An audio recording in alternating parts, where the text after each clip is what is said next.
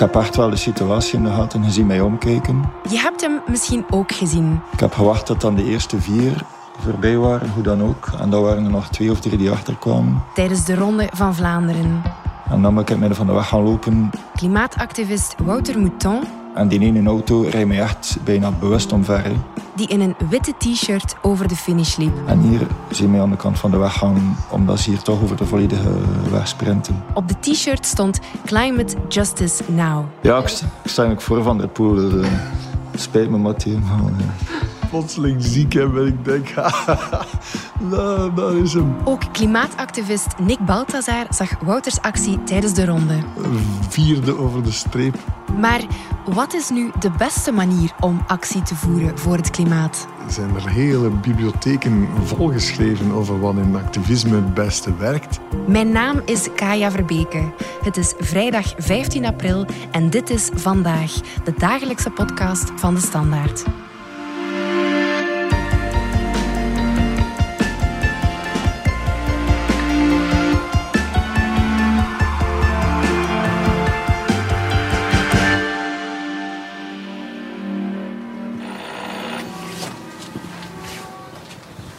Ik bel aan bij klimaatactivist Wouter Mouton, mijn buurjongen van vroeger.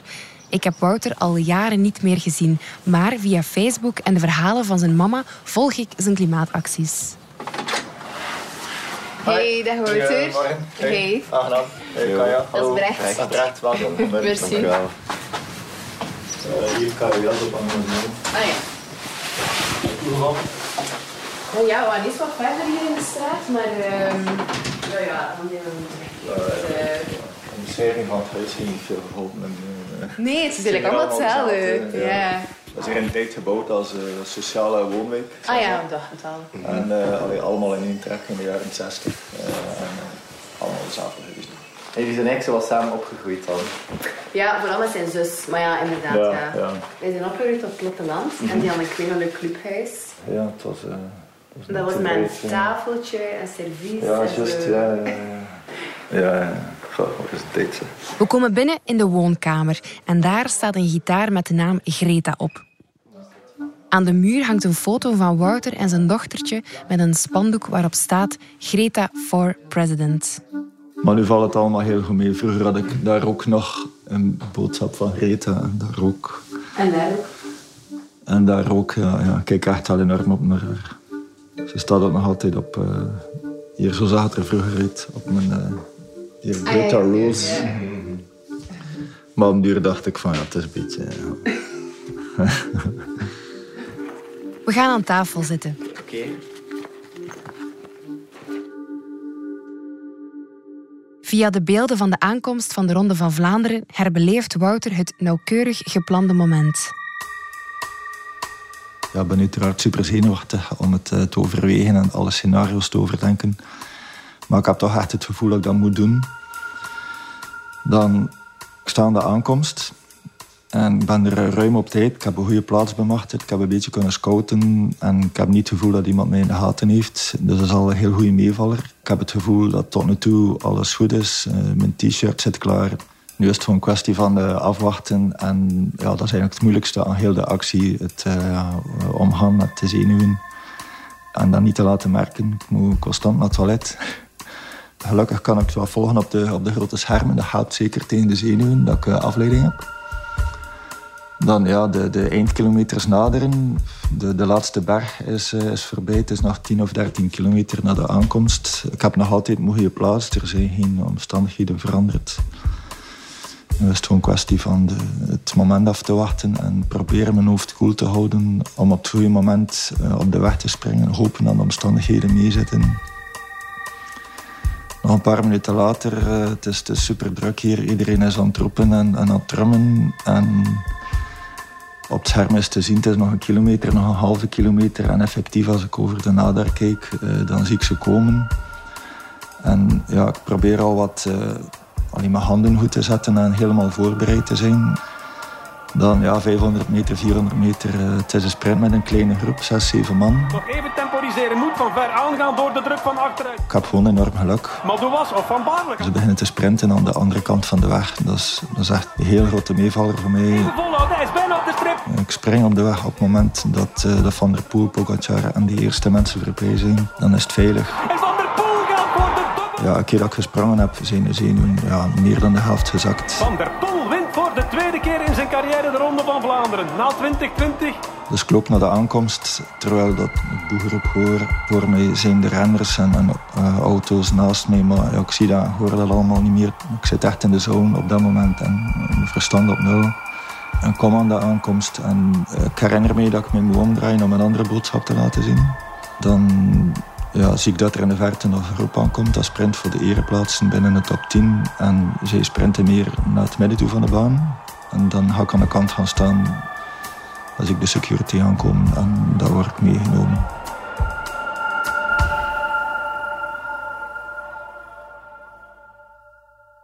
De sportcommentatoren van de VRT vermelden niets over de actie. Maar omdat Wouter op het belangrijkste moment van de koers over de finish liep, kon de zender hem niet uit de beelden knippen. Echt een gouden kans. Daardoor kwam zijn boodschap rechtstreeks de huiskamers van maar liefst 1,2 miljoen kijkers binnen. Ik ben zelf super tevreden over de actie en ben eigenlijk zeer trots. Nadat hij over de finish liep, werd hij meegenomen door mensen van de organisatie. Die mens van de organisatie was wel erg boos. En uh, ja, ik heb daar al begrip voor de adrenaline waarin dat die mens zit op dat moment. En dan heeft de politie het overgenomen. En de politie heeft mij dan te voet, zijn te voet naar het politiebureau geweest. En daar hebben ze mij dan, uh, denk anderhalf uur vastgehouden. Allereerst gevraagd wat dat mijn bedoelingen waren. Of dat ik alleen was, of dat ik uh, de intentie had om het te herhalen tijdens de aankomst van de dames. Ja, wat ik niet van plan was, want het was al genoeg adrenaline voor één dag. Nu is er veel discussie. Sommige mensen vinden een geslaagde actie, heel veel mensen vinden het hoe dan ook stom. Bedankt om voor onze wereld te strijden. Onverantwoorde dorpsgek. Die man verdient een standbeeld. Spijtig dat hij onder geen wiel gezeten heeft. Een diepe buiging, vol respect, Wouter. Blij kijkt hij wel niet. En om in zijn termen te blijven, een triestige plant. Ja, moest hij een geval veroorzaakt hebben, ben je voor altijd de idioot die de Ronde van Vlaanderen verknoeid heeft. En, kan je dat nooit meer goed maken. En, en dat stelt al mijn andere acties uh, voor altijd in de schaduw. Dus het was eigenlijk al een, een behoorlijk risico. Maar uh, ja, als je ziet dat het opgepikt wordt, dan ja, meer kan ik niet vragen. Uh, hoe dat mensen reageren, dat is iets helemaal anders. Maar het enige dat ik hoop is dat het opgepikt wordt. En, en dat zit. En, en, mensen die, die weten hoe ernstig dat is met de ecologische en klimaatcrisis, gaan dat wel appreciëren. En daar kan ik ook van genieten, van, van een compliment van, uh, van bijvoorbeeld Nick Balthazar. Ik ken Wouter al een tijd natuurlijk. Dit is filmmaker, klimaatactivist en Ronde van Vlaanderen-liefhebber Nick Balthazar. Want ik zat natuurlijk ook naar de koers te kijken en plotseling zie ik hem en ik denk, nou, daar is hem vierde over de streep. En van in het begin ben ik hem al, ja, elke keer gewoon een klein berichtje op Facebook gezegd. Zo van, help man, echt... Uh, want ja, weet ik dat de shit die je dan moet vangen redelijk aanzienlijk is. In het begin van mijn activistencarrière, als ik het zo moet noemen, liet ik me daar wel wat door leiden en dan was dat een beetje een zoektocht. Maar ondertussen uh, kan ik negatieve, zowel negatieve als positieve reacties plaatsen. Hoe geslaagder de actie is, zoals in dit geval dat hij dan toch de camera's heeft gehaald enzovoort. Hoe meer uh, stront dat er in uw richting uitwaait. Maar dat soort mensen blijven staan. En dat zijn het soort mensen die conver de suffragettes, uh, conver de mensen die zich ooit tegen slavernij zijn beginnen uh, verzetten, die waren ook niet zo populair. Conver de mensen die algemeen enkelvoudig stemrecht hebben proberen afdwingen. En uh, alle andere rechten die vaak zijn afgedwongen door mensen die tegen de haren, tegen de huid en tegen een soort tijdsgeest in durven strijken. Wouter deed de stunt vorig jaar al eens op het WK, maar toen werd hij wel uit de uitzending geknipt. Het was een uh, repetitie, zeg maar, dus beschouwd als een voorbereiding. Hij doet zijn acties steeds alleen, al is hij wel verbonden aan de klimaatbeweging Extinction Rebellion. Ik heb natuurlijk um, ja, een paar klankborden in mijn persoonlijke kring, maar ook uh, ja, vooral bij mijn vrienden van Extinction Rebellion. Die nou opvolgen wat ik doe en ja, die zeggen soms ook aansluiten bij mijn actie. En, en omgekeerd ook, ik ben actief lid, een trots lid En ja, ze hebben ervaring met dergelijke acties. Dus ik waardeer zeker de feedback van bepaalde mensen. Maar ja, uiteindelijk is het mijn risico. eh, Als ik beslis om op de weg te lopen eh, en het loopt iets mis, dan, ja, dan gaan de mensen naar mij kijken en niemand anders. Wouter kiest wielerwedstrijden uit voor zijn acties, hoewel hij zelf een liefhebber is. Ik ben zeker een liefhebber van wielrennen. Ja, ja. Het is, eh allee, ergens spijt het me wel dat ik, dat ik zo'n wedstrijd viseer. Zeker een wedstrijd als de Ronde van Vlaanderen. De mensen die de koers bepalen, zoals Van der Poel, Van Aert, eh, Pogacar, zijn eh, koersen intuïtief. eh, toch veel meer dan vijf of tien jaar geleden. Die gaan er echt voor en ze durven verliezen ook. En, als ze verliezen, zijn ze niet boos op elkaar. En, en ze respecteren elkaar. En het is lang anders geweest, maar de laatste jaren is vind ik het een plezier om hier naar de koers te kijken. I've learned that you are never too small to make a difference. Wat dat mij echt in gang gezet heeft, dat was echt wel een specifiek gebeuren. Was toen dat ik uh, Greta Thunberg zag op de klimaattop van Katowice in Polen in 2018. You are not mature enough to tell it like it is. Even that burden you leave to us children. Ze was toen 15 jaar en ze was in september begonnen aan een wekelijkse schoolstaking. But I don't care about being popular. I care about climate justice and a living planet. Ja, daar zat ik duidelijk echt op te wachten. Dat, heeft mij echt, eh, dat was inderdaad een klik. You say you love your children above all else. And yet you are stealing their future in front of their very eyes. Toen dacht ik van, ik moet ook zoiets doen. Ik ben toen naar mijn baas gegaan en tijdskrediet aangevraagd. En, en ik heb wekelijks een, eh, een dag dat ik niet ga werken. Eh, En dat ik dus eh, uiteraard minder betaald word. Maar ja, die dag gebruik ik dan om, eh, om acties te doen. Ja, dan is alles beginnen rollen. Net als Greta Thunberg trok Wouter naar het parlement om te demonstreren. Maar de politie staat er geen protestacties toe, omdat het een neutrale zone is. heb ik een nieuwe boodschap bedacht. What do you do to fight climate change? En dat beschouw ik nu een beetje sindsdien als mijn basisactie. Dus ik sta sowieso twee à drie keer per week gemiddeld op de markt in Brugge. Eh, met die boodschap, dus ik sta daar gewoon. En ik wacht de reacties af van de mensen. Het is een open vraag. Dus ik sta daar niet om te zeggen van stop met vliegen of, eh, of eet minder vlees of zoiets. Vijf jaar geleden had ik, ook, had ik zelf ook nog vlees. En weet ik niet hoe ik zelf zou gereageerd hebben. Moest iemand eh, mij zo gezegd hebben van je moet stoppen met vlees eten of je moet overwegen om dit of dat te doen. Maar ja, het is belangrijk om, om je boodschap te brengen, heb ik het gevoel, toch op een open manier dat mensen zich eh, niet aangevallen voelen. Want dat werkt niet. Het is mijn bedoeling om, om eh, ja, mensen eraan te herinneren dat we in een enorme crisis zitten en ja, dat ze kunnen overwegen om hun eigen gedrag in vraag te stellen. Wat natuurlijk bijzonder is aan, aan Wouter en de manier waarop hij actie voert, is dat hij er geen angst voor heeft om, om werkelijk ja, een beetje, denk ik, misschien wel kwaadheid bij mensen te gaan uh, opwekken. de actie waar ik meeste reactie op krijg, is die aan de fastfoodketens. Als je een bordje hebt waarmee je buiten aan de McDonald's staat en de Burger King waarop staat... Lekker gebakken dierenlijken. Dierenlijken. Voor heel veel mensen is dat heel erg chockerend. Daar krijg ik altijd veruit de meeste reactie op uh, van mensen die zich, uh, die zich aangevallen voelen. Nochtans staat er maar één subjectief woord op heel die boodschap en het is lekker. Uh, de rest is 100% objectief. En ja, ik denk niet dat, de, dat McDonald's of, of Burger King mij het woord lekker had zo kwalijk nemen. Ook voor Nick Balthazar was er één specifiek kantelmoment waardoor hij klimaatactivist werd. Goh, hoe lang ben ik daar nu mee bezig? Toch sinds ongeveer een Inconvenient Truth, eh, sinds 2005, 2006. De film An Inconvenient Truth van Al Gore. If you look at the 10 hottest years ever measured, they've all occurred in the last 14 years. And the hottest of all was 2005. Our ability to live is what is at stake. En je probeert een beetje alles Kumbaya eh, uh, zingen we Sing for the Climate en, en dat is fantastisch. 380.000 mensen in het land doen mee.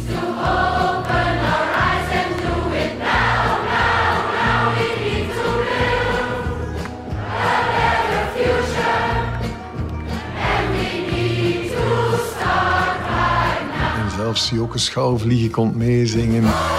En alle klimaat, vele klimaatministers die we hebben. En we gaan naar de volgende klimaattop. En daar zijn wij weer de natie die de hakken in de grond zet. Allee, bedoel, we schamen ons te pletter. We zijn in de laatste tien jaar bijna niet naar beneden gegaan in emissies. Dat is zeggen dat je dingen gaat doen en nul doen. Dit is zo roepend dat wij ook op een gegeven moment zeiden, maar nu moet het gedaan zijn. Ik wil zelfs niet eens burgerlijk ongehoorzaam zijn. Ik wil zelfs mijn burgerlijke rechten gebruiken om de staat zelf te wijzen op zijn gebrek aan actie. En dat is wat we met de klimaatzaak hebben gedaan. En dat is ook behoorlijk agressief. Hè? Je burgerrechten gebruiken om je eigen overheid aan te klagen. Ja, wat wij doen bijvoorbeeld met, met klimaatzaak. Daarover gaat Nick Balthazars nieuwe documentaire.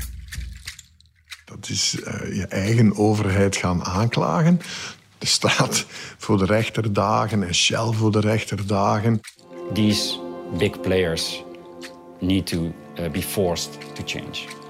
Ik heb dus net die documentaire gemaakt, Duty of Care heet die. En dat wil zeggen zorgplicht. Hè? Will you use your power and make a difference? Het gaat over die advocaat Roger Cox, die naar diezelfde documentaire gaat kijken die ik ooit zag, Inconvenient Truth, hè, van Al Gore.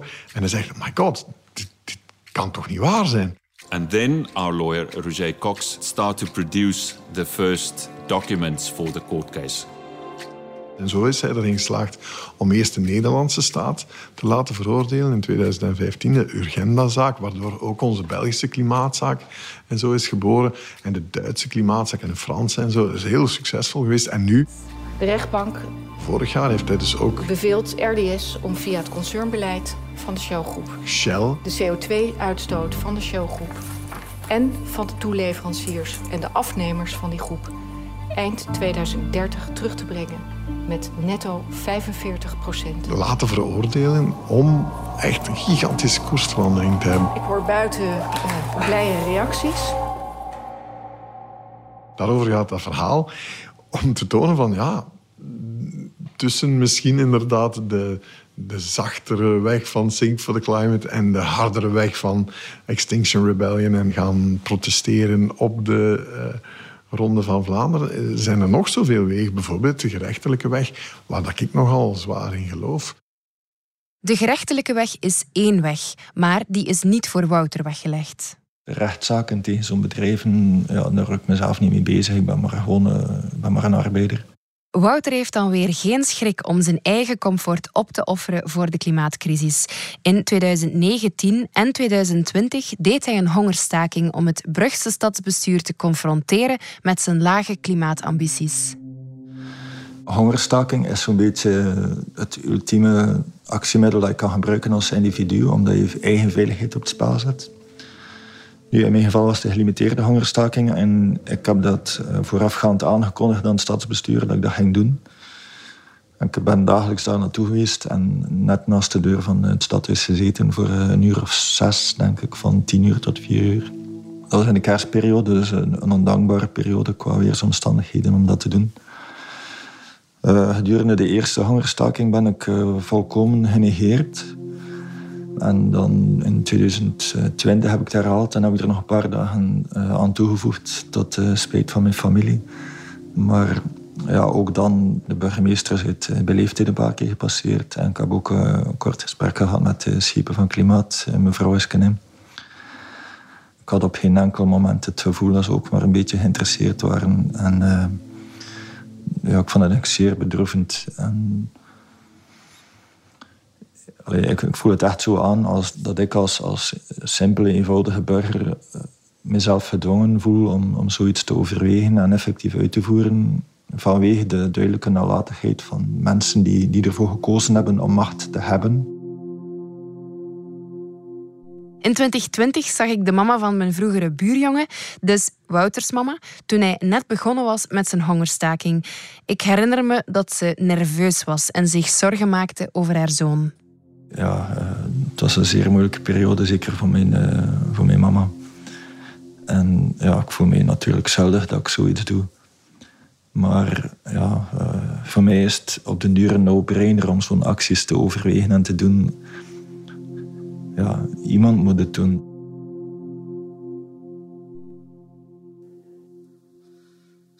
Samen een lied zingen, protestacties, documentaires maken, rechtszaken en hongerstakingen. Heel wat opties. Maar wat is nu de beste manier van klimaatactivisme? De beste manier, ja, kijk, in de social sciences en de psychologie zijn er hele bibliotheken volgeschreven over wat in activisme het beste werkt. En wat is de korte samenvatting? We don't know. Want mochten we het weten, we zouden alleen dat nog doen. Aan de klimaatbeweging wordt dan vaak gezegd, zo, wat moet je nu doen? En ik denk, de enige oplossing is, we moeten alles doen. Ja, het is ook niet één specifiek um, actiemiddel dat het allemaal gaat oplossen, denk ik. Dus ja, ik zie het als een soort... Uh, de actiemiddelen ja, versterken zichzelf en helpen elkaar. Dus er zijn veel groepen... Ik ben nu lid van Extinction Rebellion, maar er zijn ook de, de grootouders voor het klimaat. Hebt Youth for Climate, die allemaal op hun manier uh, acties voeren. En het is niet één groep die het allemaal gaat veranderen, maar het is het versterkende element ervan. Als het brandt, moet je niet zeggen van... Oh, zouden we beginnen met die een brandwagen of dan toch met een branddeken. Of... Nee, je moet alles doen. Alles wat je ergens liggen hebt, smijt dat op die een brand. Maar daarvoor moet er eerst een grote groep overtuigd worden. Wat we nodig hebben is die domino-effecten, is die ripple-effects. Een rimpeling op het water die geleidelijk aan uitgroeit tot een grote golf die niet meer te stoppen is. Niemand weet perfect wat het percentage is, maar je weet ergens zo, dat ligt rond de 20 procent dat je maar nodig hebt om dan plotseling de hele schaal te laten overhellen. En als die schaal eenmaal overhelt, kan wat onmogelijk lijkt toch realiteit worden. Ik heb dat ooit meegemaakt. Dat de Berlijnse muur viel. It shows my age. Nu hadden alle commentatoren, alle journalisten en iedereen had gezegd dat gaat nooit veranderen. Die muur staat daar uh, voor eeuwig. En plotseling, just like that, binnen het jaar, binnen een paar maanden eigenlijk, en binnen een paar weken was, was heel die situatie anders. En dan weet iedereen zo, hè, voilà, je, hebt, je hebt die kritische massa nodig en dan plotseling ga je boven die 20% en dan wap, krijg je die tipping point waardoor alles verandert. En als ik hoopvol ben, en, en dat ben ik het liefst, dan denk ik echt dat we daar dichtbij zitten. Maar stel nu dat we dat tipping point bereiken. Heeft het dan allemaal wel nog zin? Is het al niet te laat? Volgens de, meeste rapporten kan het nog. Uh, maar dan enkel en alleen we snel en super drastisch uh, ingrijpen ja, we kunnen het ook gewoon niet veroorloven om, om het op te geven. Dus, dus we, zitten in een, een ongelooflijk unieke situatie. Voor zover dat we weten is er alleen op deze planeet leven. Het, ja, het is te mooi om het zomaar te laten uh, voorbij gaan. Zeker omdat we weten dat verandering kan komen. Heel veel zaken zijn maar veranderd omdat mensen begonnen te protesteren. En, onrecht recht zetten door, door effectieve actie te voeren. Dus het kan. Uh, ook al is de kans klein, we, we, moeten het proberen. Het is gewoon... Is niet voor je eigen kinderen. Doe het dan voor de mensheid als je wil. Of voor uh, al die miljoenen planten en dieren en het ecosysteem. En, en dat is echt een no-brainer. ik kan niet begrijpen dat, dat, je daar niet zo mee in zit.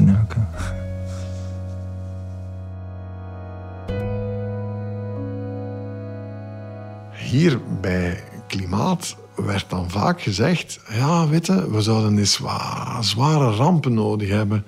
Dan zouden de mensen wel wakker worden. Ik had altijd zoiets hè, moet je nog zware rampen? Maar ze waren inderdaad iets te ver weg. Eén gigantische plensbui in de Vester... en heel ons land was wakker. Maar is al terug ingeslapen ondertussen, want het is alweer net wat te lang geleden. Dus het is een afschuwelijk cynisch en vreselijk gevoel dat je als klimaatactivist zou moeten zitten hopen op de volgende ramp. Hè? Dat, uh, dat is wat je niet wilt meemaken. En toch vrees ik dat dat het enige moment zal zijn waarop dat misschien een aantal mensen zullen zeggen: Goh, weet je nog die zot die daar rondliep met de ronde van Vlaanderen? Weet je nog dat wij, dat wij die hebben uitgekafferd voor vuilvis? Maar die kwam ons eigenlijk ja, waarschuwen voor wat er nu gebeurt. Maar er is niets vreselijker als klimaatactivist dan gelijk krijgen. Het is zo. Helaas hebben wij, helaas hebben wij de feiten aan onze kant. Helaas hebben we gelijk. Vijf jaar geleden was ik zelf geen activist. En had ik totaal niet kunnen inschatten dat ik zou staan waar ik nu sta. Als mensen naar mij komen op de markt en ze zeggen van je staat hier alleen, je gaat niks veranderen. Dan zeg ik altijd van ik weet één ding, als ik vandaag thuis gebleven was, dan ga je niks veranderen. Als ik hier sta, ga ik misschien iets veranderen. En dat, uh, ja, dat is een heel duidelijke boodschap waar weinig mensen nog iets tegen kunnen inbrengen. En ik ben daar heel, van heel sterk van overtuigd. Ja. Die emissies zijn ons probleem. Die emissies moeten terug naar nul. En dat is de gigantische opgave. Einde. Dat was het verhaal. En dat is de laatste zin van onze documentaire. Zo van, uh, ja, wat we nodig hebben is die domino-effecten, is die ripple effects. Maar iedereen kan er één veroorzaken en je weet nooit wie en waar dat zal gebeuren. Dat ergens één vlinder zijn kartonnen vleugels heeft uitgeslagen tijdens de Ronde van Vlaanderen en welke storm dat misschien aan de andere kant van Vlaanderen kan teweegbrengen. Het grappige is, jullie, belden mij en ik dacht, ah ja, het zal over mijn klimaatdocumentaire gaan die ik heb gemaakt. maar het bleek over Wouter Boutot te gaan. Dus wat hebben wij geleerd vandaag? Dat dat al evenveel helpt als anderhalf jaar lang werken aan een documentaire. Hetzelfde geld is het inderdaad op dit moment toch een punt waar op de ministerraad wordt over gepraat.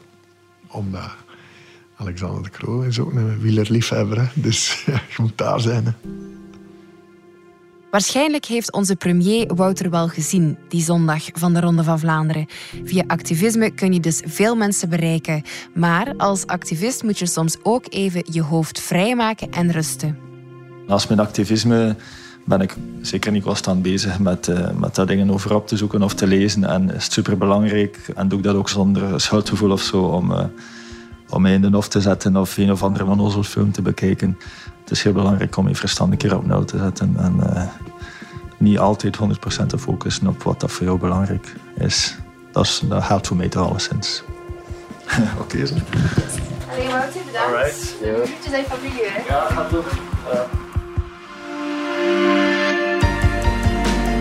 Dit was vandaag de dagelijkse podcast van de Standaard. Bedankt voor het luisteren. Alle credits van de podcast die je net hoorde vind je op standaard.be-podcast. Reageren kan via podcast.standaard.be. Maandag zijn we opnieuw.